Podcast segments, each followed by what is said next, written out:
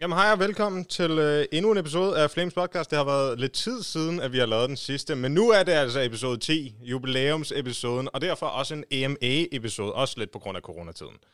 Øh, men jeg har med mig i dag Steffen Thomsen og øh, Vorborg, som øh, det er jo ligesom den her lille podcast-kerne, vi har her, os tre. Så vi har taget en, øh, en masse spørgsmål fra community derude på Facebook, på LinkedIn, på Twitter, på deres to. Øh, nogle øh, spørgsmål fra øh, HLTV, tror jeg også. Øh, og så kommer vi til at prøve at for, øh, forsvare, eller forsvare dem. Nej, bare svare på dem. Behøver ikke at forsvare noget som helst. Meget kritiske spørgsmål. Men øh, vi kommer til at hoppe lidt rundt i det. Jeg har spørgsmål nogenlunde i, i klumper, så de giver mening sammen, men vi kommer til at hoppe lidt frem og tilbage fra organisation til Counter-Strike til Fortnite osv. Men øh, vi kommer til at øh, starte lidt over på øh, Daniel Vorborgs spor.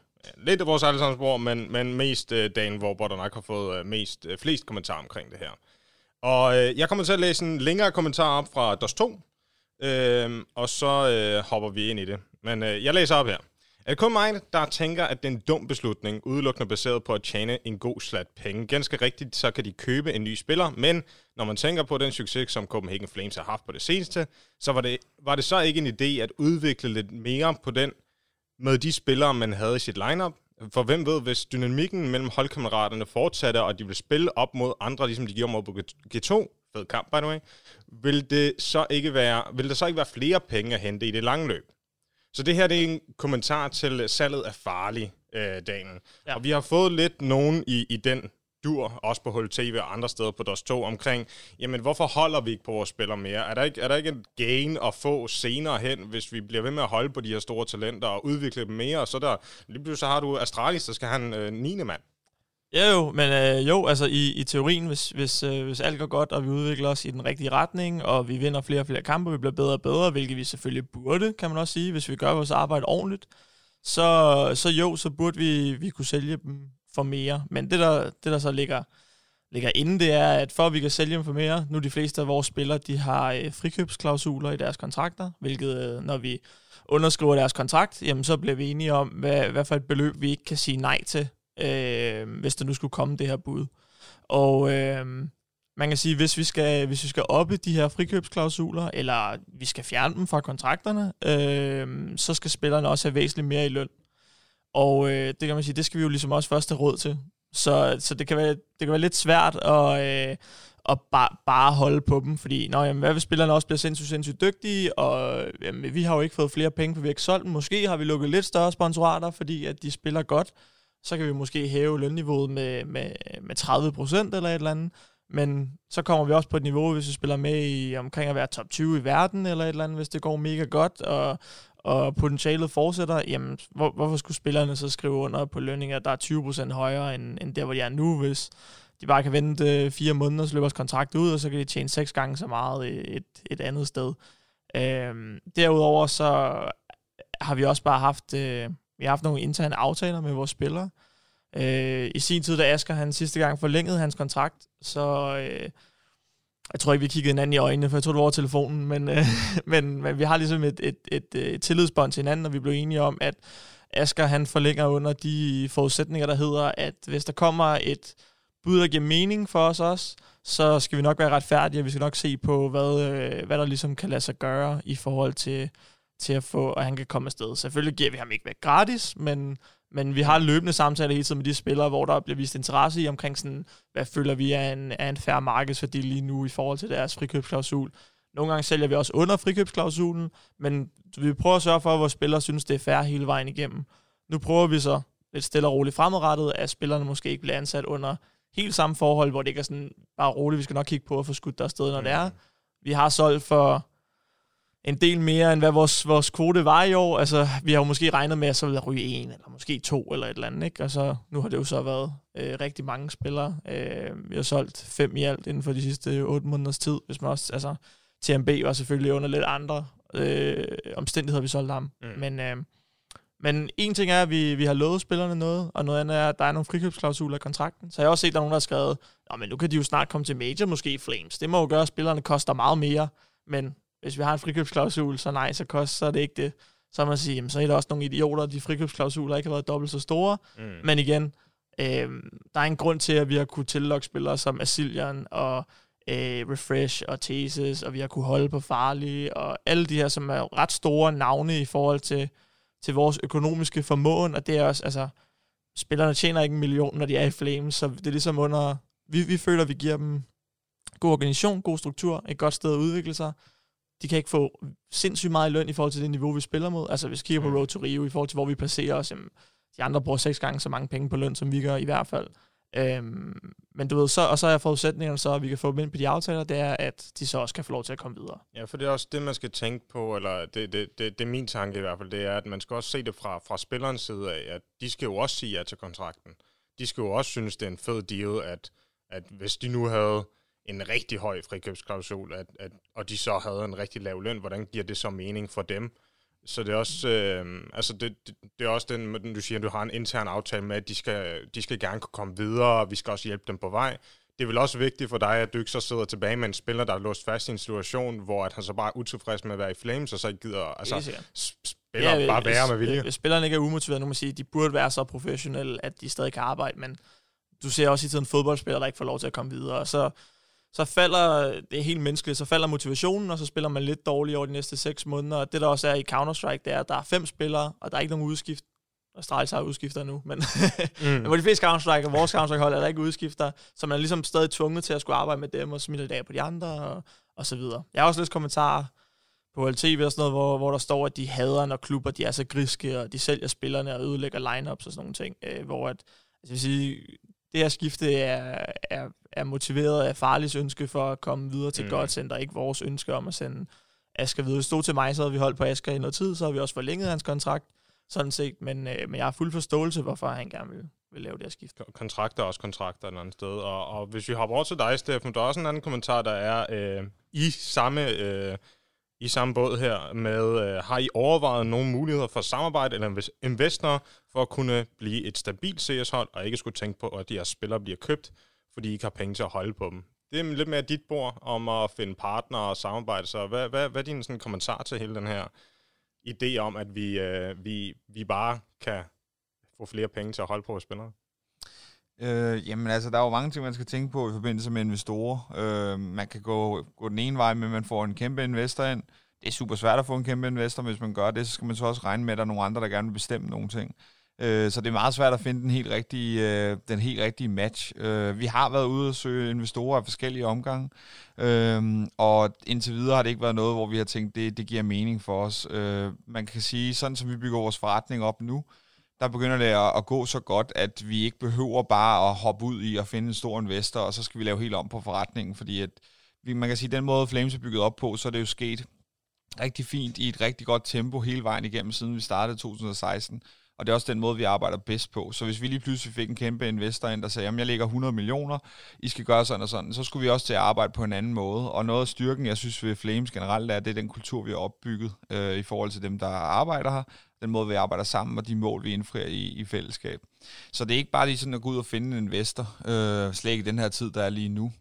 Så selvfølgelig kunne det være super fedt, hvis der kom nogen og sagde, hey, I styrer det hele, øh, I får bare nogle penge til at, til at udvikle det med, men det er bare ikke lige så nemt at gøre det. Øh, så det, det, kunne være, det kunne være fedt, men vi er også i en situation nu, hvor at vi ikke har samme behov for at gå ud og finde en investor, og vi synes egentlig, at den forretningsplan, der ligger for Flames lige nu, den fungerer rigtig godt, og vi kan se, at vores omsætning stiger. Øh, vi kan hele tiden flytte på lønning og alt den ting, og det er egentlig også noget, jeg gerne vil, vil berøre, fordi at jeg har også læst på DOS 2, sådan, om, så, øh, så kan de gå ud og, og bruge flere penge på CS, eller hvad det nu end er, men vores organisation er jo meget større end Counter-Strike. Det er en kæmpe stor del af vores forretning nu, fordi vi lykkes med strategien om at sælge men altså, vores organisation, den minder jo rigtig meget om de største hold hjemme, hvor vi har fuldtidsansatte i management, øh, på både SoMe, på content, øh, vi har praktikanter, vi har deltidsansatte, øh, vi har træner til vores Fortnite-hold, og managers, og vi har et pigehold med en træner snart, og en, en, øh, altså vi har mange ting i gang på en gang. Øh, lige så vel som vi ansætter folk i forbindelse med alle de her ting, vi laver ud over. Så når vi tjener penge på en spiller, så er det jo sådan hele organisationen, vi kigger på. Det er ikke sikkert, at når vi sælger farligt, at vi så siger, at alle de penge, de skal bare skydes direkte ind i Counter-Strike-holdet, fordi at der er også alle mulige andre områder, der kan, der kan trænge til at, at få et indskud af, af nogle af de her penge.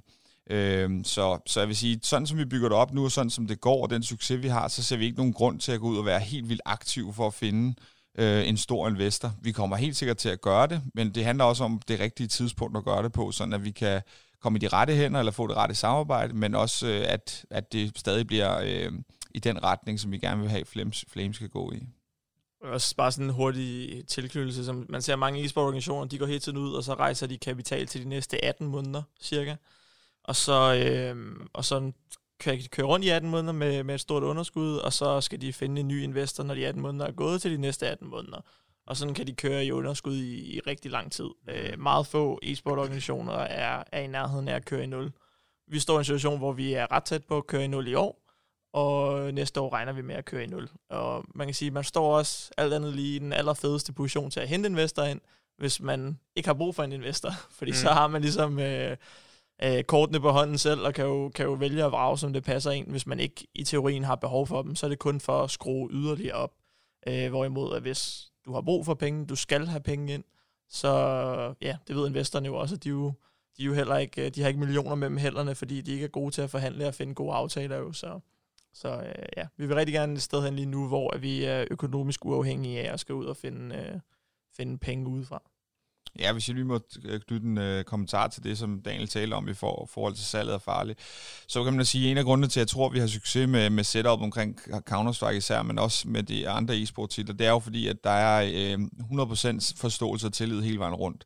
Altså, vi lover ikke noget, vi ikke kan holde, og hvad hedder det, de aftaler, der bliver indgået fra start af, dem gør vi også alt for, at vi kan indfri. Det vil sige, når at vi har lavet en aftale med Farlig om, at han skal skyde sig afsted, så er det klart, så søger vi at gøre det. Det kunne ikke være på et mere ærgerligt tidspunkt, kan man sige, mm. med den succes, der var lige nu. Men vi kommer ikke til at gå på kompromis med de aftaler, vi har lavet med spillerne, inden de skrev deres kontrakt, eller inden de lavede forlængelsen, i forhold til den større succes for Flames. Fordi at, øh, så tror jeg, at hele korthuset falder sammen. Så øh, selvom det kan komme på et øh, dårligt tidspunkt, så sikrer vi altid, at de aftaler, vi har lavet med dem, de, øh, de giver mening også på det tidspunkt. Og der, i den forbindelse har Daniel og jeg og, og dig jo også talt om, at vi skal søge en konsolidering nu, fordi der er ikke nogen grund til, at vi sælger spillere, altså aktivt, kan man sige, øh, resten af året, fordi vi har indfriet vores mål på transferbudgettet. Det er jo super fedt, at vi har, vi har, vi har nået det, øh, og mere til. Men, øh, men nu kigger vi også på, at det er en anden, det er en anden samtale, der vil være med de spillere, vi, vi ansætter, øh, hvis det bliver nødvendigt at ansætte flere, end, end den, vi skal til at finde nu. Ja, øh, og, og jeg vil egentlig bare holde den her i, i Counter-Strike, for der er en del spørgsmål til Counter-Strike, så vi holder også lidt, du snakker lidt om, om øh, med lønninger, og de er lidt lavere, end de, de måske er ved vores konkurrenter, så dem vi spiller imod. Mm. Øh, der er et spørgsmål her, om der er forskellige lønninger til spillerne, eller kører det kollektivt. Hvor meget kan du sige om det, Dan? Jamen, jeg kan godt sige, det tror jeg også, for jeg offentligt øh, har sagt, at vores spillere i Flames tjener ikke det samme. Og det har været ligegyldigt, om det var League of Legends afdeling, eller Counter-Strike afdeling nu, eller Fortnite afdelingen. Øh, det kan godt være, at der nogle gange er spillere, der, der, der tjener det samme, men som udgangspunkt går vi ikke ind og siger, at alle skal tjene det samme. Øhm, og det gør vi ikke, fordi det forretningsmæssigt ikke giver mening. Øhm, hvis, øh, altså det, det, vi, det, vi betaler vores spillere på baggrund af, det er, at øh, hvor dygtige de er selvfølgelig. Øhm, eventuelt for eksempel Counter-Strike, så giver det også ud på, hvor, hvor salgbare de er. Hvor stor chance tror vi for, at vi kan skyde dem afsted. Øhm, så er der også, hvor mange andre dygtige spillere er der i deres roller. Altså fordi jeg vil sige, der kun er en god AVP tilbage på markedet, og han kræver, at han skal have bare et eller andet tal 20.000 eller et eller andet så om måneden, så kan det være svært at forhandle meget med ham, fordi hvem er det ellers, jeg skal tage? Men hvis der er fem forskellige AVP'er, og han siger, at han skal have 20.000, men der er en anden, jeg tænker, der er næsten lige så god, og han siger, at han skal have 10, jamen så mm. kan det godt være, at vi går i den retning, ikke? Hvis, hvis vi ser nogle andre øh, fordele ved det. Øhm, og så, der, så kigger vi også på deres øh, SoMe Reach og hvor, hvor, hvor glade vil sponsorerne være for, for at have den her spiller til at være med til at hjælpe med at promovere deres brand. Um, og så giver det bare ikke mening, lad os sige, at de alle sammen har forskellige værdier, men så er der nogen, der siger, at det kan være, at de andre spillere bliver demotiveret og sådan noget, men lad os sige, hvis vi har et, øh, et hold, hvor der en spiller er 20.000 værd, og de andre er, er væsentligt lavere værd, men så bliver vi bare enige om, at nå, så får I alle sammen bare 12. Og det mm. går den spiller, der normalt vil kunne få 20, går også bare med til det, fordi ja, vi, vi er et hold, vi gør alt sammen. Så jeg siger, det fungerer på den måde. Øh, så den gennemsnitlige løn ender med at være det samme, som hvis jeg havde betalt 20 og så mindre til de andre. Nu får alle 12. Men hvad så, hvis den her stjernespiller så bliver solgt på et tidspunkt, stopper på holdet, eller et eller andet i den dur, jamen så sidder vi fast med at skal betale overpris for de fire andre spillere, for de var ikke 12.000 værd. De kom mm. kun op på 12, fordi den anden spiller valgte at gå ned. Men så giver det lige pludselig ikke længere mening for os at betale de andre 12.000. Det er så lidt svært at gå til dem og sige, jeg ved godt, de har et år tilbage af kontrakten, men øh, I er jo faktisk ikke de penge værd, vi giver jer. Altså det, det, det kan man heller ikke rigtigt. Øh, så derfor ja, så, så er det individuelle forhandlinger. Og det kommer også an på, nogle spillere, der er det vigtigst for dem at have høj løn. Andre spillere, der er det vigtigt at have en lav buyout. Nogle er det price cuts, nogle er det kontraktlængder. Alle har forskellige prioriteter. Nogle gange kan det være øh, mulighederne for personlige sponsorater. Alle de der ting kan vi jo så skrue på, og det kan godt være, at der er en spiller, der får højere noget end en anden spiller, men så får de lavere. Ikke? Så det kommer også an på, ja, hvad der er vigtigst for spillerne, for alle spillere prioriterer ikke øh, på samme måde i forhold til, hvad de gerne vil have i kontrakten. Jeg tror også, det bedste eksempel, man kan komme på i forhold til det der, det er, at for eksempel, da vi havde pigehold med Mimi, altså Mimi har jo en, altså en enorm kommersiel, øh, hvad hedder det, værdi. Mm. Øh, så, så det giver ikke så meget mening, når man har med spillere at gøre, hvor der er så stor forskel på, hvad, hvad de har værdi for, for klubben at sidde og kigge på og, og lave øh, fælles lønninger, eller hvad kan man sige, øh, aftaler, hvor de alle har lige løn. Så der, der er mange ting, der spiller ind, og selvfølgelig også de, de vilkår, man bliver aftalt, at man aftaler, når man henter en spiller eller køber en, det kan også spille ind i forhold til, hvor lønniveauet så er. Altså, øh, hvis nu spilleren er rigtig dyr at køre ud af sin kontrakt. Mm. Men vi har jo ikke bare uanede penge, så kan det være, at man, man har en dialog med spilleren om, at jamen, så kan det godt være det første stykke tid, at du tjener noget andet end, end på et senere tidspunkt. Ikke? Øhm. Jo, og, som du siger, øh, Daniel også, Steffen, altså, der, er jo, der er jo forskellige værdier ved forskellige øh, øh, spillere, og der er også forskellige ting, som de kræver. Der er et mm. spørgsmål her omkring, øh, hvilke værdier kigger vi efter i en spiller, og hvordan bliver man generelt mere attraktiv over for øh, Orks klubber og hold? Og det er jo sådan et generelt spørgsmål. Vi behøver slet ikke at holde det til uh, Counter-Strike, for jeg ved, uh, bare i vores lille organisation, der har mm. vi jo mm. mange forskellige værdier i, fra vores, uh, lad os sige, nyeste Valorant-spillere, Fortnite-spillere til en Counter-Strike-spiller. Der er jo mange, meget forskel der på, hvad, hvad, hvad værdien er for os, ved jeg. Uh, mm. Steffen, vil du uh, starte på den? Øh, ja, altså man kan sige, jeg kan jo bringe det op i forhold til Fortnite, øh, hvor vi tit ser folk skrive, jamen hvorfor har I ikke signet ham, og ham han gør det bedre end øh, dem, I har på holdet i forvejen og den slags. Så man kan sige, det, det er jo ikke meget anderledes for os, end det er alle mulige andre øh, virksomheder. Så hvis du kommer ned i et supermarked, og så siger du, jamen jeg, jeg er kun mega god til at stille op på hylden. Du skal også have alle mulige andre øh, kvaliteter, altså være service-minded og komme til tiden og kunne tage et ansvar og alle mulige andre ting. Så vi kigger jo ikke alene på øh, folks sportslige formåen. Det vil ikke give noget mening. Øh, det kan være, at der i nogle tilfælde kan afveje eller opveje nogle andre ting, men for det meste så kræver det også, at de passer ind i den klub, vi er. Øh, fordi vi vil ikke gå på kompromis med både de værdier og det brand, vi har, og de sidder jo som ambassadører for os.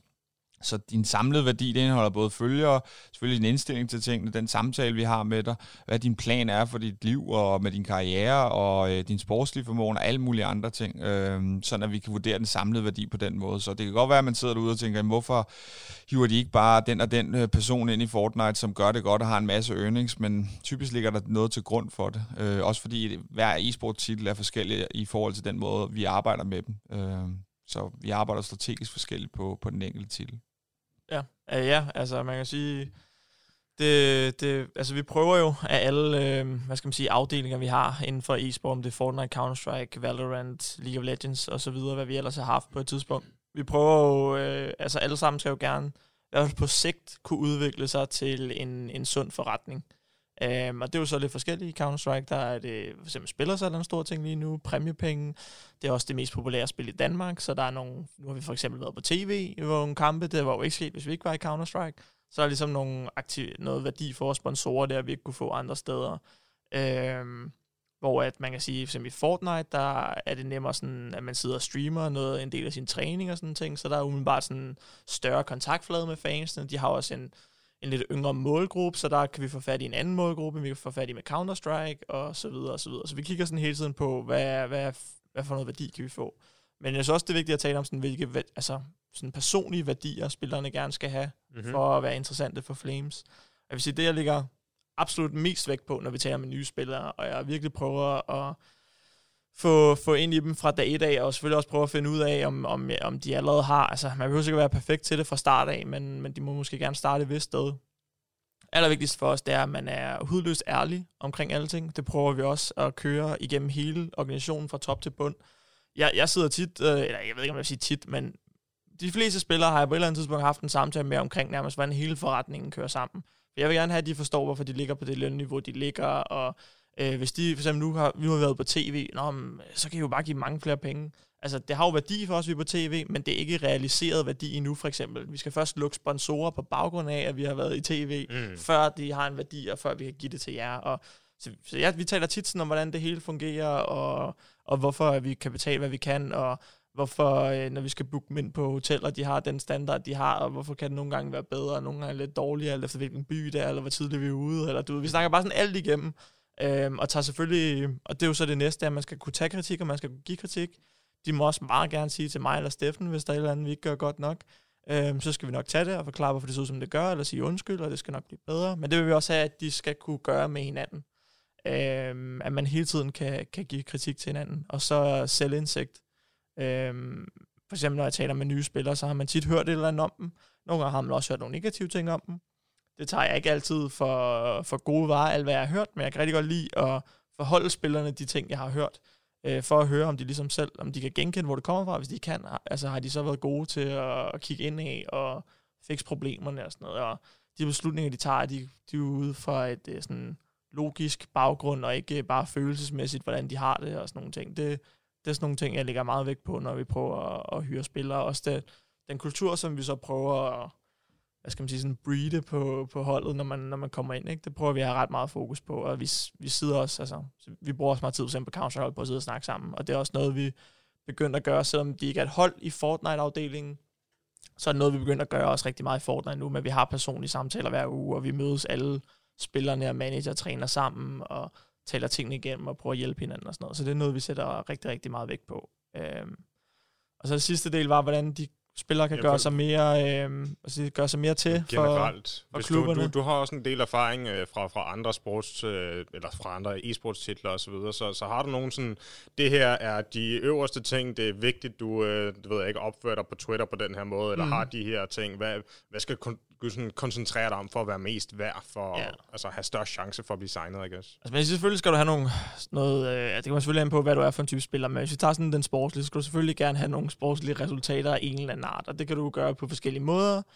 Uh, hvis du ikke har et hold lige nu, jamen, så League of Legends, så climb op i høj Challenger, Fortnite, uh, spille solo cups, og lave nogle placements, Counter-Strike, uh, ligge højt i DPL, FPLC, uh, kan du kvalde til FPL, uh, sådan nogle ting kan man selvfølgelig prøve at gøre, ikke? Um, men også ja, så er det jo, have, have, have en presence på sociale medier. Nu flere ting, du laver, der bliver liket og retweetet, nu større chance er der for, at dit navn popper op igen og igen og igen.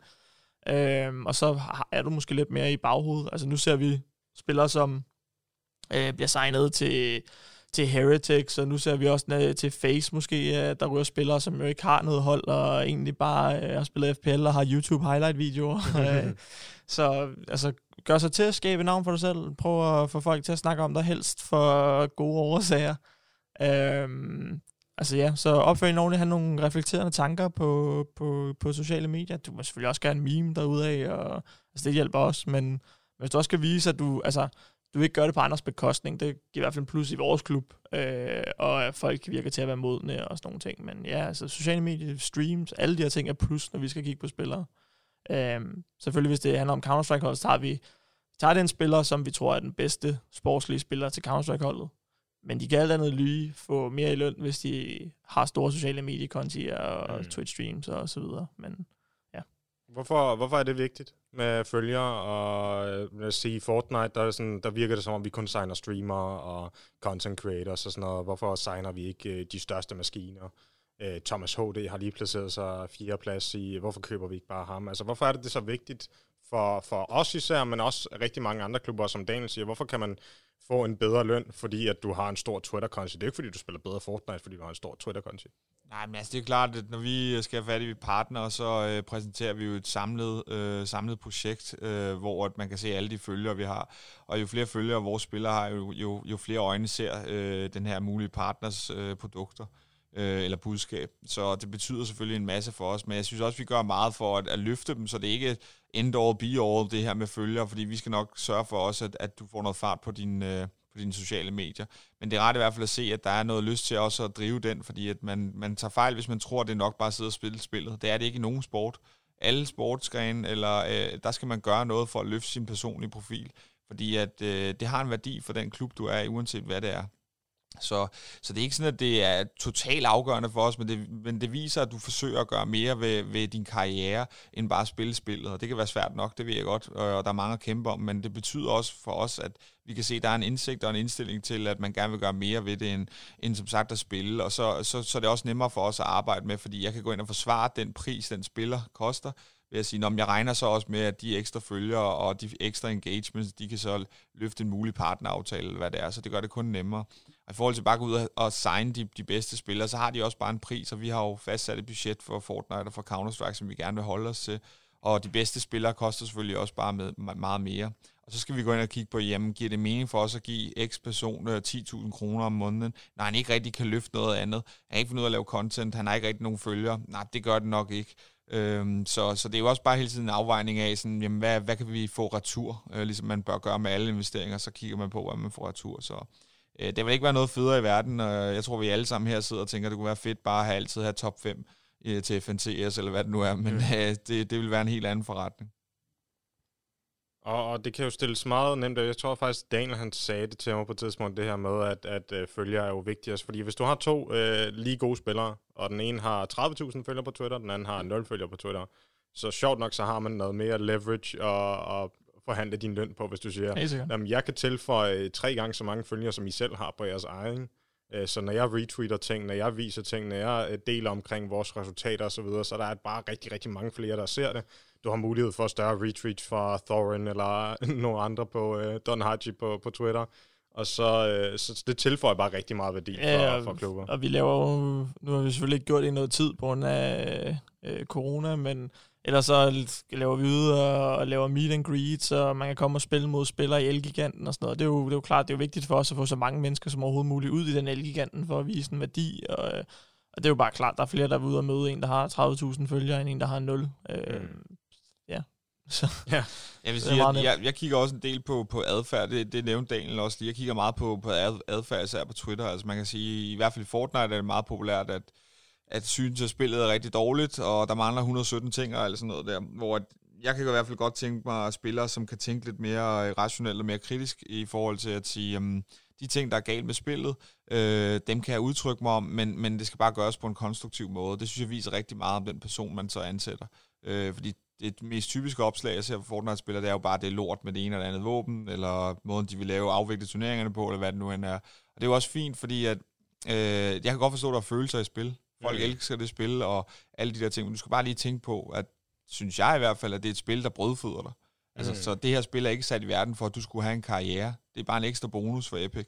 Den slags tilgang kunne jeg godt tænke mig, der var mere af, og det er jo noget, jeg bare sidder og læser, når vi sidder og snakker om flere spillere så kan den der Twitter-adfærd, hvis jeg ser 10 opslag, hvor de bare sviner til, det kan være nok til, at jeg synes, mm, det ved jeg ikke lige, altså hvor fedt det er. Det er jo også noget, vi arbejder med vores spillere og nuværende spillere om, at tænke på en anden måde og, og agere på en anden måde på sociale medier, også i takt med, at de får flere følgere, så de har et, hvad kan man sige, et ansvar der. Ja, altså jeg vil sige, det, altså jeg synes også bare, det giver en indsigt i deres... Øh mm, men, mentale styrke, vil jeg næsten sige. Altså, jeg, jeg tror, at der helt sikkert er en, øh, en korrelation imellem øh, de spillere, som hvad når de har tabt et game til en controller-spiller i Fortnite, eller øh, da der var et svært i spillet, eller et eller andet, de så går ind og bare whiner og siger, åh, det er så lort, og fuck Epic Games, og uh, whatever, whatever, shit game, uh, spiller aldrig igen, eller et eller andet, ikke?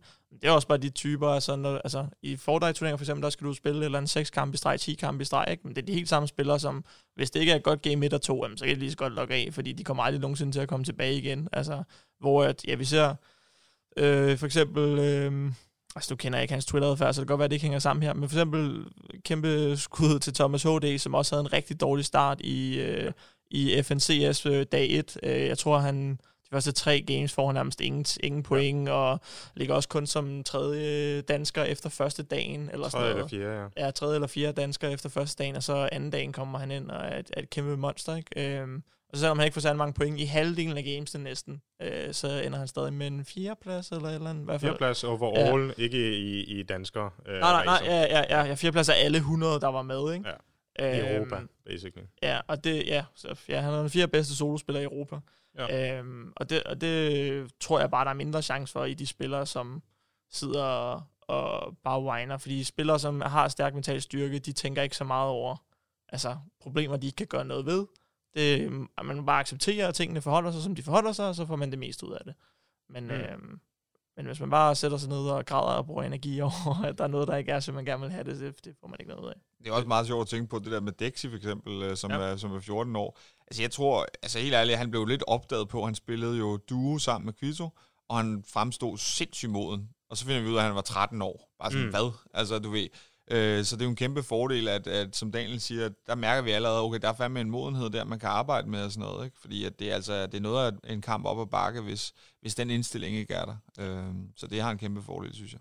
Det er ikke, fordi alle vores spillere er perfekte, selvfølgelig. Du kan godt gå ind nu efter der podcast, og så finde nogle øh, tweets, hvor det ligner, vores spillere sidder og græder, men det er også noget, vi så prøver at arbejde med dem. Øh, jeg kan også bare sige, for eksempel, også øh, virkelig store props til, til Gaming Kuno, der, mm-hmm. der sidder og streamer Fortnite, fordi det er om noget, og jeg synes, det er så fedt at se, at han får så mange seere lige nu, når han streamer noget, fordi han er nemlig, alle andre, ikke alle andre, men jeg synes også en tendens har været i Fortnite-communityet, at det bare er sådan lidt, at åh, oh, fuck det hele, og om danske Fortnite-spillere, du ved, de, de quitter også, og de gider ikke spille turneringer, og du ved, ah, man spiller jo også dårligt og sådan noget, så det er bare sådan fedt at man sidder sådan og hate lidt på det hele, ikke? Mm-hmm. Og Gaming Cool, der nu sidder med 2.000 seere eller et eller andet og streamer øh, dansk casting af FNCS, han er bare helt det modsatte, ikke? Sidder bare og hyper alle op, og siden hvis der folk, der taler dårligt om en af danskerne i chatten, du ved, så kalder han bare ud og siger, det giver ikke nogen mening, det der, vi burde støtte alle danskere, ja. og kører vi røde, vi hvide hele stream igennem, og altså, jeg synes, jeg synes, det er for fedt, og fedt også at se, at der, altså, der er også en positiv respons på, på det der type content. Man behøver ikke sidde og være så ja. skide edgy hele tiden. det, det, skal dog lige nævnes, altså, eller det skal også nævnes, det er, at Gaming er jo faktisk stoppet med at spille Fortnite, fordi han ikke er fan af den måde, at Fortnite har udviklet sig på. Mm. Men så holder han den der hey, jeg synes ikke, det er sjovt lige nu, jeg stopper nu, lad os se, hvad vi kan gøre ellers, ellers med Fortnite, lad os se, hvor jeg så skal støtte op. Øh, så, så begyndte han på alt det her casting her, det er jo gået øh, strygende her, så, så, så det er jo ikke fordi, at man ikke må have dårlige meninger om et spil, det er ikke fordi, man ikke må synes, at noget er noget lort. Det er bare spørgsmålet af, hvordan du udtrykker det, og hvordan det påvirker dig. Skal jeg øh, tude over det, eller skal jeg prøve at se, jamen, hvad kan jeg så gøre for at klare mig bedre næste gang? Fordi at vi ser stadigvæk de bedste spillere være i toppen gang på gang på gang. Så det kan jo ikke være, nå, men han mødte bare ikke nogen controllerspillere, når halvdelen af dem, der i spillet controllerspillere, eller hvor mange der nu er, ikke? Ja, ja. Så, ja. så det, det handler helt 100 om, om indstilling. Men hvis vi hopper fra Fortnite, faktisk en sidste note omkring Fortnite, nu kommer der jo faktisk, der er lige blevet annonceret den næste FNC, og så den næste igen, mm. solo mm. og trio. Det er faktisk første gang, vi ser i Fortnite, de kommer til at have så lang tid til at faktisk træne op til et format. Det så det bliver faktisk også uh, spændende at se, også for vores skyld, altså ja for, for uh, Daniel Vorborgsborg her med at uh, kunne faktisk træne folk op til et format, ved hvad han skal se frem til. Og også for vores spillere generelt for communityet, se hvad, hvad det kommer til at påvirke. Man kan faktisk tage en trio nu, og så kan man faktisk træne med den samme trio indtil en indgang næste FNCS, men næste igen. Og vide, det ligesom kommer på et tidspunkt. Det er, su- det er super fedt. Men lad os prøve at hoppe lidt tilbage til uh, øh, CS, for der er jo den her uh, snak om, eller ikke snak om, Astralis har signet to nye spillere. Ja. Uh, så de er oppe på et syvmands roster nu, og der er også et spørgsmål her, uh, Daniel, om vi kunne finde på at køre med et større hold end fem? Øhm, lige nu nej. Uh, og det er der et par grunde til. Uh, den første er, at jeg føler kun, at det her... Uh, syvmands roster, øh, eller otte, eller hvad vi nu skal op på, eller også bare seks for den sags skyld. Jeg føler kun, at det giver mening, hvis du har et rigtigt sammenspillet og sammentømret hold. Øhm, og det, det føler jeg, fordi altså, Astralis er jo så lige præcis et ualmindeligt sammenspillet og sammentømret hold. De har spillet sammen rigtig længe. De ved godt, hvordan hinanden spiller. Øh, de har også et par gange skiftet positioner, så de har også prøvet at spille forskellige positioner, men, men de har en rigtig god forståelse af, hvordan hinanden gerne vil spille Counter-Strike. Det gør det meget nemmere når der skal en ny mand ind, for alle kan være med til at hjælpe, hjælpe til og støtte op, fordi folk ved godt, hvordan øh, den tidligere spiller passede ind i hele mm. puslespillet, og altså, de forstår hinandens roller, for, går jeg stærkt ud fra. Også hvis man ser Astralis lige nu, så laver de også på CT, laver de en del øh, spawn-baserede ting, øh, hvor at mange ikke så sammenspillede hold, jamen de, øh, altså der er det mere sådan, du ved, jeg spiller den her rolle, du spiller den her rolle, men nu for eksempel på train udenfor, hvis der er en, der har frontspawn til poppen, selvom han er indenfor spiller, så løber han i poppen, fordi mm-hmm. det, det er fedt, hvis man kan få en mand i poppen med det samme på et frontspawn. Og det viser også det her med, at de er så sammenspillet, som de er. Og det gør det nemmere at skifte lidt rundt på rollerne, når alle forstår rollerne, og det er nemmere at få en ny spiller ind. Men hvis man, som os, øh, ikke er så sammentømret og sammenspillet nu, fordi at ja, det er kun øh, Nudi, der har været på holdet i over øh, tre måneder. øh, så derfor så, så vi er ikke så sammenspillet endnu, og vi er stadig i gang med at finde ud af, hvordan vi gerne vil spille Counter-Strike, og hvordan vi bruger alle vores spillere ordentligt, og alle sådan nogle ting. Så at hive en 6. mand ind, som så også skulle have nogle af praxene, eller spille nogle af de officielle kampe, eller et eller andet, det vil, det vil gøre det til et kæmpe kaos. Øh, og også, også hvis der var syv mand. Øhm, og så en anden faktor er, at øh, vi har ikke råd til at betale syv Counter-Strike-lønninger. Dem, vi er stadig i det stadie, hvor vi, hver gang der er flere penge til Counter-Strike-lønninger, så vil vi hellere give det til de spillere, vi har, eller bruge dem til at kunne sikre bedre spillere i fremtiden, eller et eller andet. Så, mm-hmm. så det kan man sige, det er stadig det stadie, vi er. Hvis vi en, en dag nåede til, at vi havde råd til at betale 100.000 per spiller, eller eller andet, og vi så havde 100.000 ekstra, så kunne det godt være, at i stedet for, at de så alle sammen skulle tjene 125, så det godt være, eller 120, så det godt være, at vi i stedet for kunne tage en 6. mand ind til, til 100 ekstra, ikke? Men ja, det, der går nok noget tid, inden vi er i de overvejelser. Øhm, samtidig, en af de store grunde til, at Astralis gør det, er selvfølgelig også på, at de har alle de her rejsedage. Mm-hmm. Der er mhm. vi heller ikke helt endnu. Det er ikke, fordi vi har haft 200 rejsedage. Øhm, vi, selvfølgelig sidste halve år har vi haft væsentligt flere, end hvad vi tidligere har haft og Flashpoint kan du også godt, det var også mange dage, vi var ikke hjemmefra, men det er lidt mere, der, er lidt, der var lidt mere ro på og stationært, og vi er det samme sted, så det er ikke sådan ud og ind af lufthavnen hele tiden. Øhm, men ja, men vi snakker jo nok mere sådan noget 30 rejsedage eller sådan noget ja. lige nu, ikke? Så, så det er ikke på samme måde, og vi kan, vi kan øhm, ja, så, så hvis vores spillere er brænde ud, det prøver vi at tale en del om, så kan vi godt tage to dages fri her og tre dages fri her, og de er meget derhjemme og kan slappe af og være sammen med venner og familie og alle de her ting, ikke? Så, så det er nok heller ikke lige så behøvet for os, men af de andre årsager, så vil vi heller ikke overveje lige nu. Men jeg synes, det er super interessant, og jeg kan godt se, at det kan fungere for Astralis, men jeg synes ikke, det giver mening for, hvor vi er lige nu. Ja. Hvad er dine uh, tanker, Steffen, omkring det her Astralis Schumans uh, øh, roster? Tror du også, der kommer flere endnu, eller? Uh, man kan sige, jeg har i hvert fald altid været fortaler for, at uh, vi skal kigge meget mere på traditionel sport, end uh, vi gør i e-sport, som tingene er lige nu. Uh, jeg kan godt forstå, at Astralis gør, som de gør, ud, også ud fra de uh, ting, som Daniel han siger. Jeg vil sige, jeg undrer mig egentlig mere over, at deres konkurrenter ikke er mere skarpe på, på den slags. Uh, jeg tror slet ikke, at Astralis er det hold i top 10, der har flest, flest penge overhovedet. Mm. Jeg tror, der er mange andre, der kunne lave helt vildt fede setups, hvis de tænkte, hvad kan man sige, Øh, jeg skal ikke sige professionelt, for det er de selvfølgelig alle sammen, men meget sådan mere traditionelt øh, i forhold til sport, fordi at det giver selvfølgelig mening, at, øh, at når man har så presset et program, og de træner så meget, som de gør, jeg ved ikke, om der er nogen andre sportsgren, hvor man træner så mange timer øh, hver dag, som de gør her, øh, så giver det rigtig god mening at have forskellige spillere til forskellige roller, og nogen snakker om hele CT-hold og hele T-hold og alle de her ting. Selvfølgelig giver det mening med specialister. Det, det gør det i alle mulige andre ting. I hvert fald specialiserede trænere også og alt det her. Så, så for mig giver det rigtig god mening, øh, og jeg synes også, at det er den vej, man skal, fordi det kommer ikke til at holde i længden. Nu ser vi også øh, masser af spillere, der siger, jeg kan ikke mere, øh, og tage pauser. Ikke? Øh, altså, Olof Meister var den sidste. Ikke? Mm. Øh, så man mister jo lysten. Altså, selvfølgelig mister man lysten, hvis du banker igennem et år med 60 timer Counter-Strike. Altså, der, hvilken ting vil man synes var fedt at gøre det hver dag hele året rundt, plus du rejste hele tiden mm. og væk fra din familie, så det giver rigtig god mening. Så for mig tror jeg bare, det er en udvikling, vi vil se, ligesom Daniel siger, hvis du har ressourcerne, du har det samme meget højt, så vil man ske, se det ske på alle mulige andre. Og vi har også set det rigtig meget i LoL, hvor at man skifter en speciel jungler ind, for eksempel i forhold til den uh, rolle, han skal have i kampen. Mm-hmm. Øh, og jeg tror også, man har gjort det i top lane, især hvis man har brug for en carry eller en tank. Ja. Ikke? Uh, så selvfølgelig giver det mening. Uh, jeg hilser det velkommen generelt, men man skal også være i, i, i den position, som Astralis er for at gøre det. Ligesom jeg også synes, at de andre top 10 hold, uh, og især også de nordamerikanske, burde have gjort det for, for lang tid siden. Øhm, så øhm, vi må se, om de andre vågner lidt op. Øh, jeg, jeg synes ikke, øh, ærligt talt ikke, at de er gode nok til at give Astralis modstand, men det må vi se.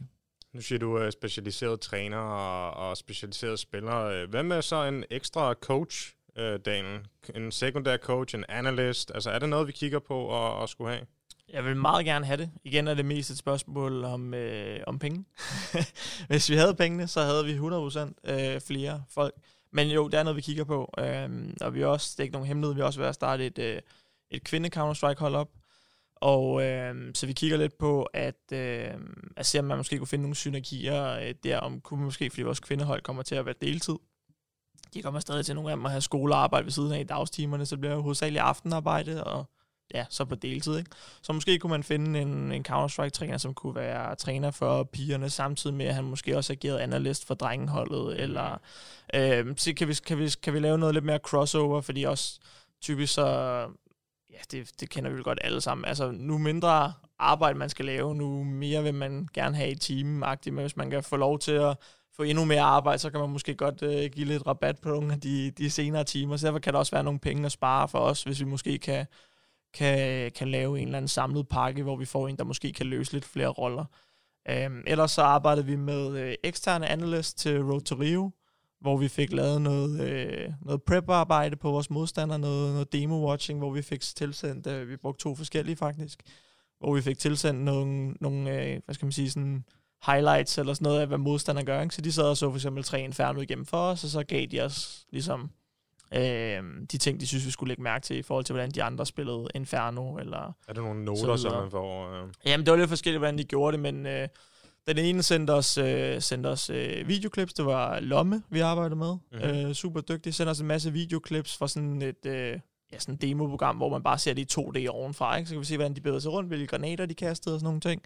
Og så øh, sagde han ligesom, det her har jeg set den gøre flere gange, og det har jeg set gøre flere gange, vær lige klar på det her, han kan godt lide at tage det her peak, der så i starten af runden, og, og sådan nogle ting. Øh, og så sad vi, og så havde han forberedt sådan 10 minutters video på deres C til siden Inferno, en 10 minutters video på deres T Inferno for eksempel, og så kunne vi sidde og se det igennem, og vi kunne eventuelt, så var det så op til os selv, alt efter hvor travlt det var, for eksempel tre af dagene havde vi tre kampe lige i streg, så der havde vi endnu mindre tid til selv at lave noget. Ikke? Men så kan det være, at vi måske selv lige vil kigge lidt nærmere på det execution, så kunne vi jo selv gå ind og finde det en demo, fordi ja, vi kunne se, hvad kamp det var, og i hvilken runde det, så er meget hurtigt selv at gå ind og se, hvis man gerne vil se det i 3D, mm. eller hvad man skal sige, i stedet for 2D. Øhm.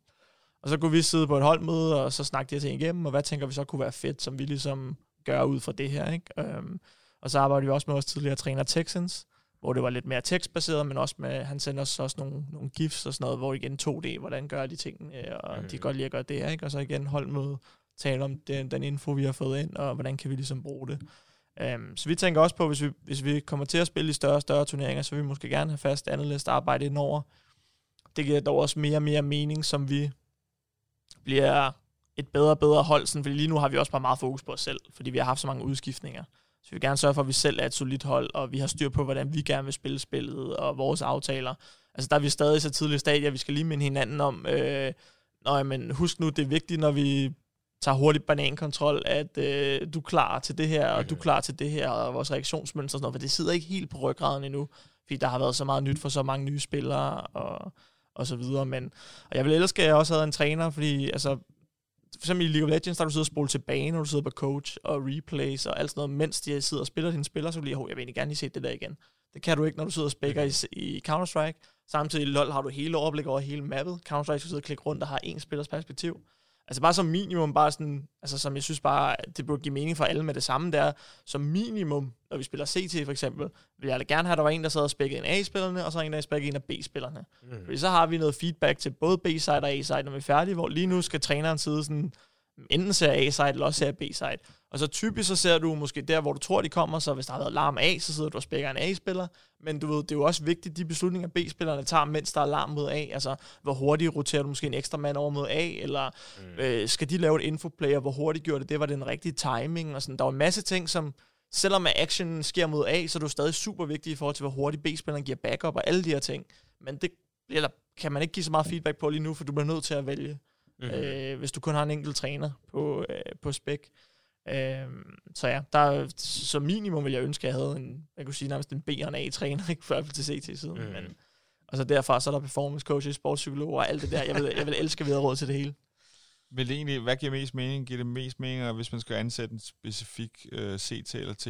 Så vil det så give mest mening, at det var CT, der øh, var træner på? Så en træner? Ja. Altså, du vil jo gerne have helst, at han kunne begge ting, jo, ikke? Fordi ellers så, du spiller jo CT-siden, og så spiller du T-siden. Så hvis han kun kan finde ud af at give noter på CT, så kan du ikke bruge ham til noget halvdelen af træningen. Øhm, med mindre du har to hold selv, og du så kunne sige, nu træner vi CT i dag, og spiller du bare 30 runder CT. Ikke? Øh, det kunne man selvfølgelig godt, hvis man havde to hold selv.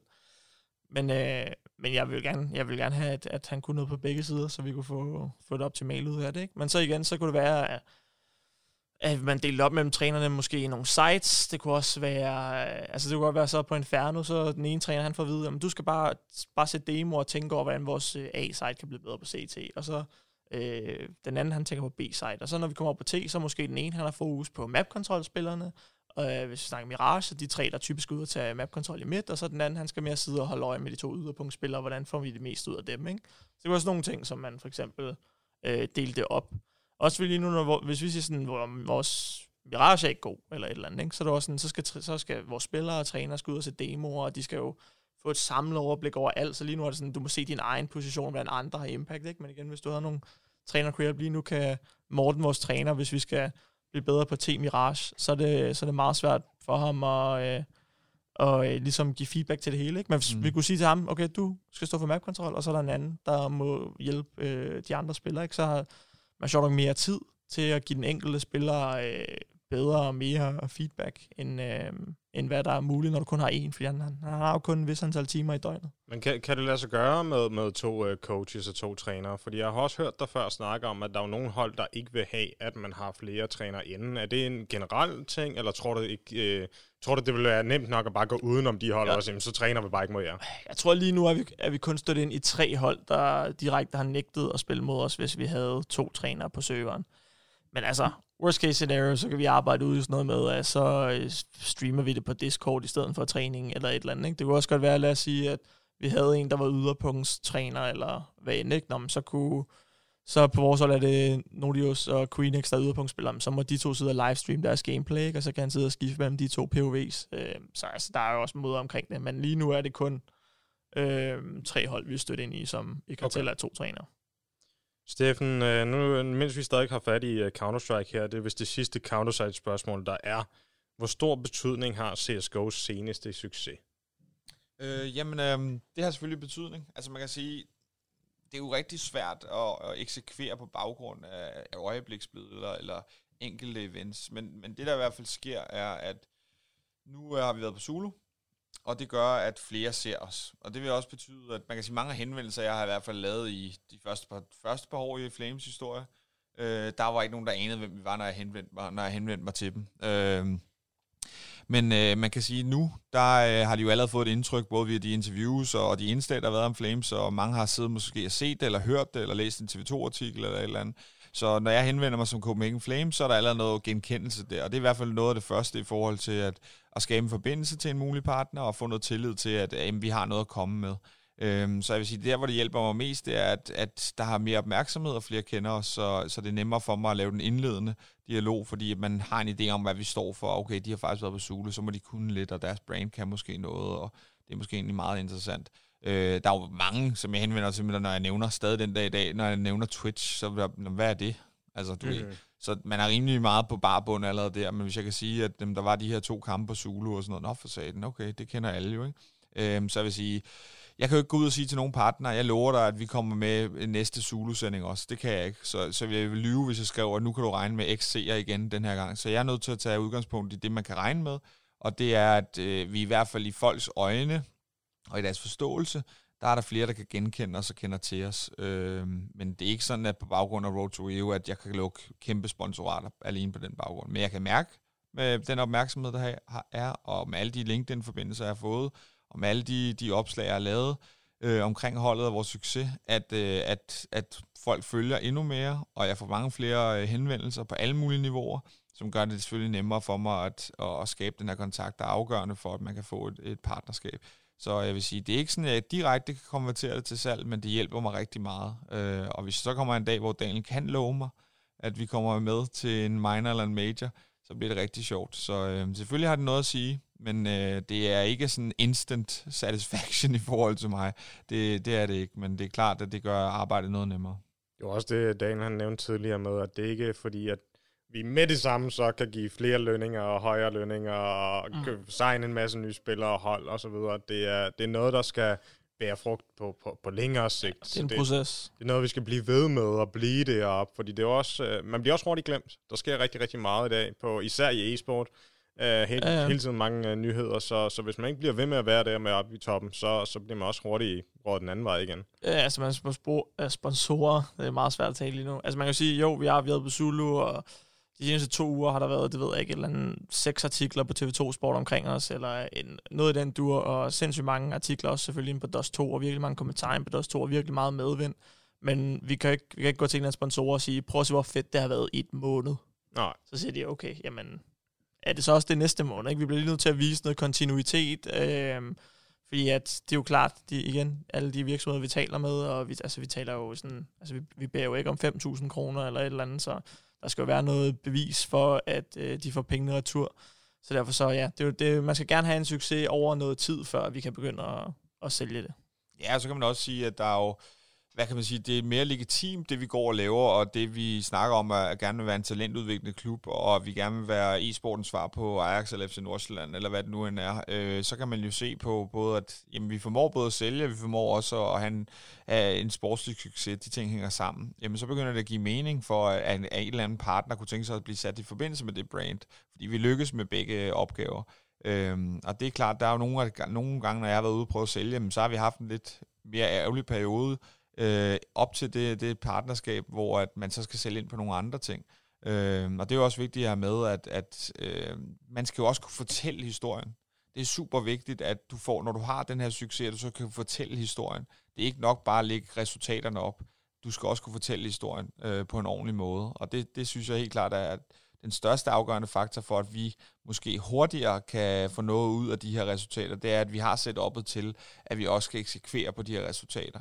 Øh, det er enormt vigtigt, øh, og det gør jo også, at man rent image-wise, øh, øh, hvad kan man sige, lykkes bedre, når man så også skal eksekvere på resultaterne.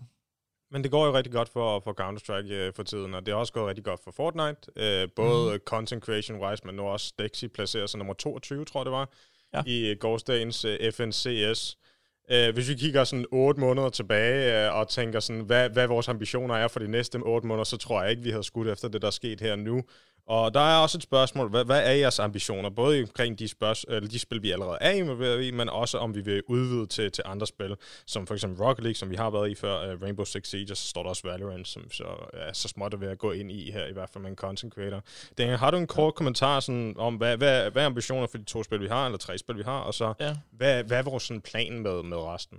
Altså, det lyder jo utrolig urealistiske for alle andre, men altså, det ved jeg ikke, mit mål, og det er sådan går og drømmer om i, i hverdagen, er det, der holder mig motiveret, og den standard, jeg prøver at holde mig selv til, og de andre, jeg arbejder med, det er, at vi skal være verdens bedste. Det ved jeg godt, vi ikke er i morgen, vi er nok heller ikke næste år, men, men det, det, jeg, jeg føler, at hvis man ikke, øh, altså hvis det ikke er sådan, vi prøver at arbejde, og hvis vi ikke konstant prøver at, at, at gå efter det, så, ja, det ved jeg ikke, så ved jeg ikke, hvad vi laver. øhm, og det er selvfølgelig, det kommer til at være en lang og hård vej. Jeg, er ikke, øh, jeg, ja, igen, jeg tror heller ikke, vi vinder majoren i 2021, men men det, det er de standarder, vi prøver at sætte os selv, og det det er jo så forhåbentlig, hvis vi er dygtige, så det, det ender med er jo bare, at vi udkonkurrerer alle de alle, alle dem, vi ligger og konkurrerer med, ja, altså om det er Counter-Strike, lige nu ligger vi i et lag, hvor at stort set alle hold, vi konkurrerer med, bruger mange flere penge, end vi gør. Øh, selvfølgelig, altså så lyder det også som om, at jeg sidder her og synes, det er mega fedt, at vi underbetaler alle vores spillere og sådan noget, men altså, det, vi har meget klar til, om det, men vi forstår godt, hvordan det hænger sammen. Øh, men altså, jeg, jeg føler bare, at vi, ja, vi skal gøre bedre til alt. For det meste ud af de ressourcer, vi har, udvikle en forretning, der er sund. Øh, I Fortnite er det, vi er både i gang med at sætte rigtig stor fokus på at udvikle vores spillere sportsligt, men og vi er allerede lykkedes rigtig godt med at udvikle dem som content creator. Øh, så ja, det er bare, det er bare været de bedste tal, hvad vi laver i forhold, især i forhold til de ressourcer, vi har. Det er måske sådan det vi også især prøver at nå sådan i morgen og i overmorgen, mm. det er, at ud fra de ressourcer, vi har, så er der ikke nogen i verden, der kan gøre det bedre, end vi gør lige nu. Jeg har set nogle kommentarer omkring det her med, at øh, der var en artikel, hvor at det lød måske lidt som om, at, at vi har sat os i et lag, hvor vi har tænkt os at være for altid, hvor vi bare skal udvikle talenter til større klubber. Øh, og, og det er måske også svært at forestille sig, at vi lige pludselig kan tilbyde bedre lønninger end sådan noget, lad os sige, som Complexity, eller et eller andet hold, der støttet et eller andet oliesjejk, eller et eller andet. Ja, det går lidt tid. Øh, så så det, der er vel også øh, forskelligt på, hvad, hvad kriteriet er som verdens bedste. Sådan, hvad, hvad er det, man mener? Mener ja. man de højeste lønninger? Det er vel ikke nødvendigvis det. Ej, hvis, altså på sigt så, igen, det er ikke det, der sker næste år, men jeg, jeg vil da vinde major. Altså det er det, jeg går efter. Øh, hvis vi lykkes øh, med at vinde major, så når vi vinder majoren, så er det nok ikke os, der heller betaler de højeste lønninger øh, til den major. Øh, og der er jo en masse delmål mål inden der. Men øh, jeg føler lige nu med det stykke arbejde, vi gør, det der mål, der er, at vi sælger hele tiden spillere lige nu, så vi, og vi tjener penge på, på Counter-Strike-holdet. Men det kan godt være, at der er måske nogen, der ser det udefra, med at vi er tilfredse, hvor vi er nu. Men jeg kan rigtig godt lide at minde folk om, at hver eneste gang vi sælger en spiller og hiver en ny ind, så bliver vi stadig ved med at levere større resultater, end vi gjorde med den tidligere roster. Og det er planen også, selvom vi sælger farligt nu. Ikke? Nu er der nogen, der skriver, at nu er farlig væk, så nu kan Flames ikke mere. Ikke? Mm. Skrev de også med Thesis, med Røg, med Asilion. Øhm, og så nogen der skriver, ja, men grunden til de andre, det var så fordi farlig carried dem, ikke? Men ja, så om to måneder, så kan I komme og sige, at det var Ref eller Nudi eller et eller andet i stedet for. Så vi har mål om, at vi sælger spillere, vi udvikler spillere. nok ikke sælge lige så høj grad, som vi har gjort lige her de sidste par måneder, men, men det ændrer ikke på, at jeg tror stadig, at vi kommer til at levere meget større resultater. Jeg tror, vi kommer til at være, selvom vi har solgt Asker, så kommer vi til at opnå ting, vi aldrig har opnået før. Fast top 30 hold, øh, øh, bedre resultater til 100.000 dollar LAN events, når vi kan komme til LANs igen, øh, og så videre, og så videre, og så videre. Jeg, jeg tror 100% på, at vi bliver ved med at sælge spillere, men vi bliver også ved med at blive bedre. Ja, altså jeg vil også sige, for mit vedkommende, der er det jo samme mål. Altså jeg vil sige, nu kender jeg også på stykker inden for Astralis, øhm, og jeg er super motiveret af at slå dem. Altså fordi jeg synes, de er de bedste i verden til det, de gør. Så jeg er super motiveret af at slå dem. Hver eneste dag, jeg vågner op, så tænker jeg egentlig på, hvordan jeg skal slå dem i dag øh, og kæmpe motiveret af at være det bedste i verden. Og for mig fylder, fylder det også rigtig meget, at vi er en rigtig klub. At vi har en, en fed kultur, og vi har nogle fans, der gider at følge os øh, på kryds og tværs af titler. Øh, det fylder også meget, så det, det er et kæmpe stort spørgsmål, hvornår man er verdens bedste, men jeg tror, man kommer langt med, at man, man rammer selvfølgelig nogle sportslige resultater, vinder en major, som er en drøm for os alle, men også at man samtidig øh, har, øh, du ved, man er transparente, og man kan stole på os, og, og man ved, at de ting, vi siger, det er også det, vi står for, og at fansene, de er reelt engageret i os, det er ikke bare giveaways og alle de her ting.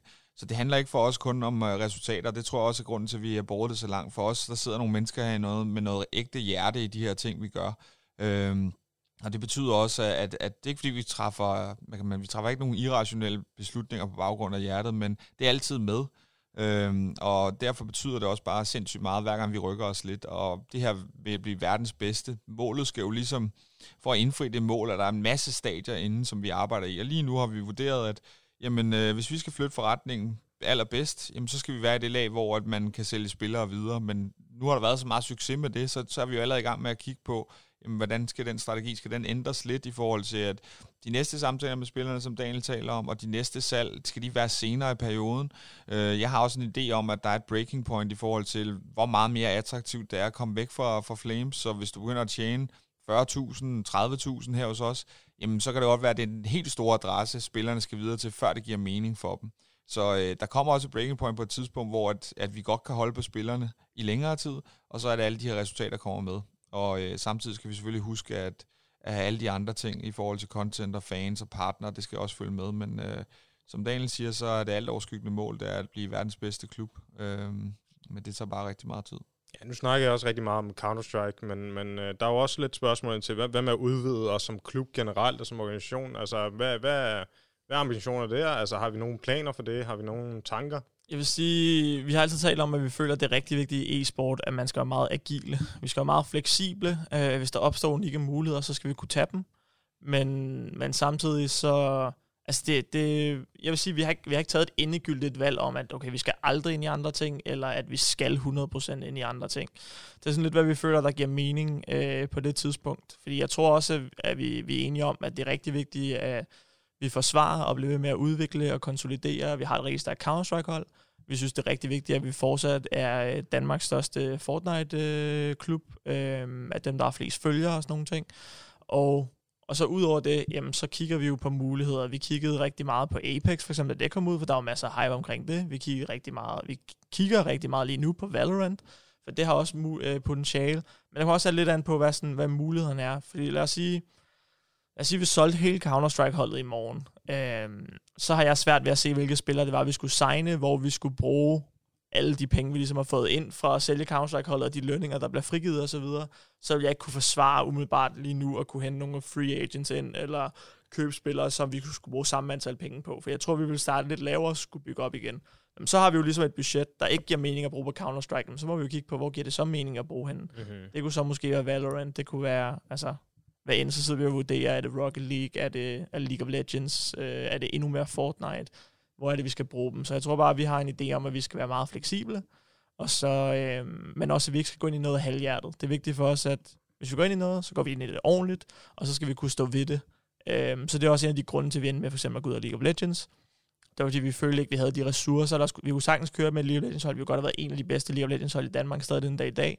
Men men vi følte ikke, at vi havde ressourcerne til at sørge for, at det blev rigtig fedt, og der var rigtig fed content, og der var en, en historie at følge og sådan noget. Øh, det havde vi ikke både, fordi vi havde, synes, det gav mere mening at bruge pengene på Counter-Strike og på Fortnite i forhold til lønninger, men også vores, selvfølgelig vores content teams øh, tid og sådan nogle ting. Så det er vigtigt for os, at hvis vi laver et move, skal vi også lave et, et ordentligt move. Øh, så nu har vi for eksempel fået, øh, fået vores første Valorant-streamer. Og der føler jeg også, at, at vi har været med til at løfte, som det kun er gået meget kort tid, synes jeg, vi er med mm. til at løfte Maus rigtig meget. Øhm, og vi skal selvfølgelig gå, fortsætte med at gå den vej. Øhm, så ja. Ja, altså hvis vi lige tilføje noget til det, så er det jo også meget med at være agil i den enkelte titel. Fordi at, altså, lige nu, der giver det rigtig god mening at være øh, den sælgende klub, og det kan vi jo se, det har været en fin forretning for os at være det. Øh, men øh, nu ser vi jo lige Face, de henter en FPL-gud ind. Øh, jamen, øh, der tjener, det tjener Flames jo ikke nogen penge på, hvis det er den udvikling, der kommer til at være. Mm. Øh, så, så det er jo også noget med hele tiden at kigge på, hvor er vi i markedet, hvordan bevæger markedet sig i hvilken retning. Astralis, de sidste to spillere, de har hentet, de er også transferfri jamen øh, begynder det at være den retning, at man går i, så skal vi selvfølgelig i en anden retning. Mm. Øhm, så så man, det er også bare at mærke efter med markedet, hele tiden være opmærksom på de ting, der er. Øh, og så derfor prøver vi jo også at arbejde med en enkelte titel agilt, mm. sådan at vi ikke ender i en situation, hvor vi har lagt en strategi an på noget, som ikke eksisterer længere, altså et reelt transfermarked, fordi alle bare synes, at når man FBL-spiller kan vi sagtens hente op uden problemer, jamen så skal vi jo nok ikke satse på at sælge spillere. Så. Og det gælder jo selvfølgelig også for Fortnite. Øhm, det kan jo være, at vi kommer ud i en verden, hvor der kommer begynder at blive låst op til, at der kommer mange flere øh, altså, øh, third-party turneringer, der kommer til at være mange flere prize pools, mange flere øh, competitive ting at lave, så vil det selvfølgelig også give mere mening og, og begynde at signe de dygtigste spillere, og så gå meget mere ind på det sportslige, og måske endda cut meget contentet væk, måske faktisk dele det op, så vi har content creators, men vi har også uh, talenter. Ja, der, altså, der jo... Det går måske allerede i den retning nu, ved at de allerede har lanceret øh, Fort, FNS Trios, ikke? Altså, det er jo det er egentlig meget en af de grunde til, at vi synes, det har været svært ved at arbejde med Fortnite, det er, vi har ikke vidst mere end en måned i forvejen nærmest, som de skal spille solo, duo, trio eller squat ja. øh, til den næste. Og så er det, det er super svært sådan rigtigt at sætte fokus på det sportslige, når du ikke engang, altså, mm. altså hvis jeg kan sammenligne med Counter-Strike, det svarer til at så spille, så er det deathmatch, du skal spille den ene måned, ja. og næste måned skal du spille Capture the Flag eller et eller andet, og så næste måned skal du spille, som spillet er nu, ikke? Jo. Det er mega svært at sidde og træne og bare have all in på, at vi skal lave resultater, når der er ikke nogen, der ved, hvad, hvad er det, vi skal performe indenfor, ikke? Så. Jo. Men det kan være, at det giver mere og mere mening, hvis, øh, e-sportscenen i Fortnite bliver mere stabil. Den næste major er i Wingman. Ja, altså, så, så, så vil vi jo nok også måske ikke være lige så fokuseret ja. på at have de bedste spillere, ikke? Fordi når, hvor mange skal vi overhovedet have så? så. Ja, og jeg vil sige, uh, på, på content-siden, uh, for mig er det altid vigtigt, at det er fedt at følge med i Flames. Altså, det, det er underholdende, det er fedt, det er spændende, men også underholdende, sjovt og så videre. Så det er altså det, jeg, jeg tænker meget på. Det, er, uh, det skal være fedt at følge med, uh, lige meget hvor man kigger hen. Uh, og Inden vi slutter af, jeg ved, det allerede har været en times tid nu, uh, vi har et aller sidste spørgsmål, som vi slutter af på, og det er angående events og LANs. Om vi nogensinde kunne finde på at gå sammen med en etableret eventarrangør om at lave et LAN, hvis ja, hvad vil I så gøre anderledes bedre end de eksisterende LANs? Har I nogen, uh, nu har vi været til en del LANs over de sidste par år, uh, på ja. det sidste mindre, end uh, selvfølgelig også på grund af corona, men også fordi, at Counter-Strike-holdet er begyndt at spille rigtig mange af de her online uh, cash cups. Uh, og, og har I nogen sådan øh, bud til, hvad, hvad kunne være øh, nogle fede ting at lave til LAN? Altså, vi, vi drømte engang om, øh, om et Flames LAN. Jeg kan ikke huske, hvad... Vi havde en mm. eller anden mm. working title på et tidspunkt. Øh, men som altid, så skal vi jo gerne selvom det ikke måske er første gang, man holder dem, så skulle man gerne sådan break even også og sådan nogle ting. Og jeg tror, tror det vil være en at vi vil nok skulle gå sammen med nogle andre, for sige, det er en meget stor mundfuld for os lige nu. Øh, mange mandskabstimer ud fra, altså der skal tages væk fra det, vi allerede går og laver, for at man skal stable et lag på benene, og det skal blive rigtig fedt. Men altså, der er jo, der er jo mange veje, man kan gå. Jeg, jeg kunne godt se, at øh, måske, fordi det, altså, det er jo også svært at gå ud og lukke sponsorer til kæmpe præmiepuljer og alt muligt. Altså, jeg tror, hvis vi skulle, ikke, igen, det er ikke super velovervejet det her, det er lidt on the spot, men hvis vi skulle lave noget, så tror jeg mere, at det skulle handle om... Øh, om øh, nærværet, og vi skulle lave nogle... Altså, kom, altså, det skulle være en mulighed for at komme tæt på Flames, og det skulle være noget, hvor øh, vores spillere selvfølgelig er der, og man kan møde dem, og man kan få lov til at spille mod dem, og alle mulige diverse konkurrencer, og vinde ting selvfølgelig forhåbentlig for vores øh, sponsorer og partnere, og, og eventuelt andre, vi kunne få med på ideen. Øh, så det tænker jeg sådan, ja, måske, hvem ved, altså vi holder måske også et lille oplæg om et eller andet Flames, og ja, en form for AMA, og øh, både måske ledelsen, men spillerne og sådan noget, ikke? Det tror jeg vil være sådan, hvis vi skulle lave noget i en enkelt dag eller en weekend, så tror jeg måske, selvfølgelig skulle der være nogle så for sjov turneringer og sådan noget, ikke? Og så måske nogle bounties i Fortnite på, hvem skyder ton, så de vinder også lige et eller andet, ikke? Eller sådan noget. Øhm, så jeg tror, jeg tror, det vil være sådan den vej, vi vil gå, fordi også at det er, ikke, det er et kæmpe arbejde at skulle sikre et stort venue og en stor scene og 100.000 i prize pools og alle de der ting. Det, det tror jeg ikke. Øh, og jeg føler, at altså, der er også altså jeg føler, at der er rigeligt af, af den slags lands i Danmark, øh, man kan tage rundt til. Øh, så jeg ved ikke om, øh, ja, jeg ved ikke og heller ikke, om der er nødvendigvis et marked for det lige nu. Øh, jeg tror, jeg... Flamescon. Jamen, så, så skulle det være et eller andet øh, flameslane, ikke? Og så skulle vi gøre det anderledes, end, end hvad alle de andre gør. Det skulle være ved at tilbyde tilgang til, eller sådan adgang til, til, til flames. Steffen? Ja, altså jeg synes, folk skal tage ud og besøge de eksisterende lands, der er nu, og så komme med en masse inputs til dem, fordi at, øh, jeg i hvert fald i forbindelse med eSport Danmark, der, der snakker jeg med dem, og der er fandme meget ild i maven på dem der, og de, øh, de vil det rigtig gerne, og de er enormt lydhøre overfor, og de ønsker, der nu kunne være jeg har på samme måde som Daniel med, at øh, det skal være forbundet op på øh, noget med Flames. Øh, det kunne være forbundet op på, at vi vidste, at vi skulle spille en kamp, øh, eller R2R om, øh, om to måneder. Jamen, så lavede man et eller andet lag, hvor man kunne mødes for at skabe det der nærvær og sammenhold mellem fans også. Øh, der går nok lang tid, før vi har en arena, hvor man kan komme og se vores kampe. Men man kan komme med lidt derhen af ved at etablere de her øh, pop-up øh, lands, hvor så er der en weekend, hvor vi ved, at Flames spiller to kampe på Zulu. Lad os sige, vi vidste det jamen så kan man komme og så opleve nogle andre ting i den forbindelse, også med Fortnite og alle mulige andre. Vi kan aktivere vores partner og den slags, øh, og lave et lag på den måde. Det tror jeg giver god mening. Jeg tror, at den måde, vi kigger på øh, andre forretningsområder og sådan noget, så skal det helst være nært beslægtet med vores nuværende kompetencer og den slags, der er, sådan at vi kan udnytte det, der allerede er i virksomheden. Så at gå ud og arrangere et helt lag med internetopkobling og alle de ting, der nu hører med, det, det virker lidt vildt. Men, øh, men hvis man kan komme lidt derhen af med, at man så også øh, er det nært beslægtet med det, vi allerede gør i forvejen, og vi samtidig kan samle vores fans omkring det, så tror jeg, det kunne være rigtig fedt. Ja, så kom vi godt øh, udenom omkring det hele, tror jeg. Øh, vi har fået besvaret en masse spørgsmål, og det var episode 10 af Flames podcast, præsenteret af Elgiganten. Men hvis I har nogle øh, andre spørgsmål til fremtidige øh, AMA uds- eller afsnit, så skriv dem endelig i, øh, hvad, for, hvad for en kommentarfelt, I nu kan finde, hvor det nu er henne. Øh, vi gemmer alle spørgsmålene i dokumenten, så vi kan tage dem op i fremtidige EMA-episoder. Og det kan godt være, der kommer nogle flere af dem her nu på grund af coronatiden, så vi kan ikke rigtig få nogle gæster ind, bare lige sådan. Øhm, forhåbentlig så ændrer det sig snart. Men øh, i hvert fald tak til Steffen og Daniel for at være med i dag, og øh, så ses vi næste gang.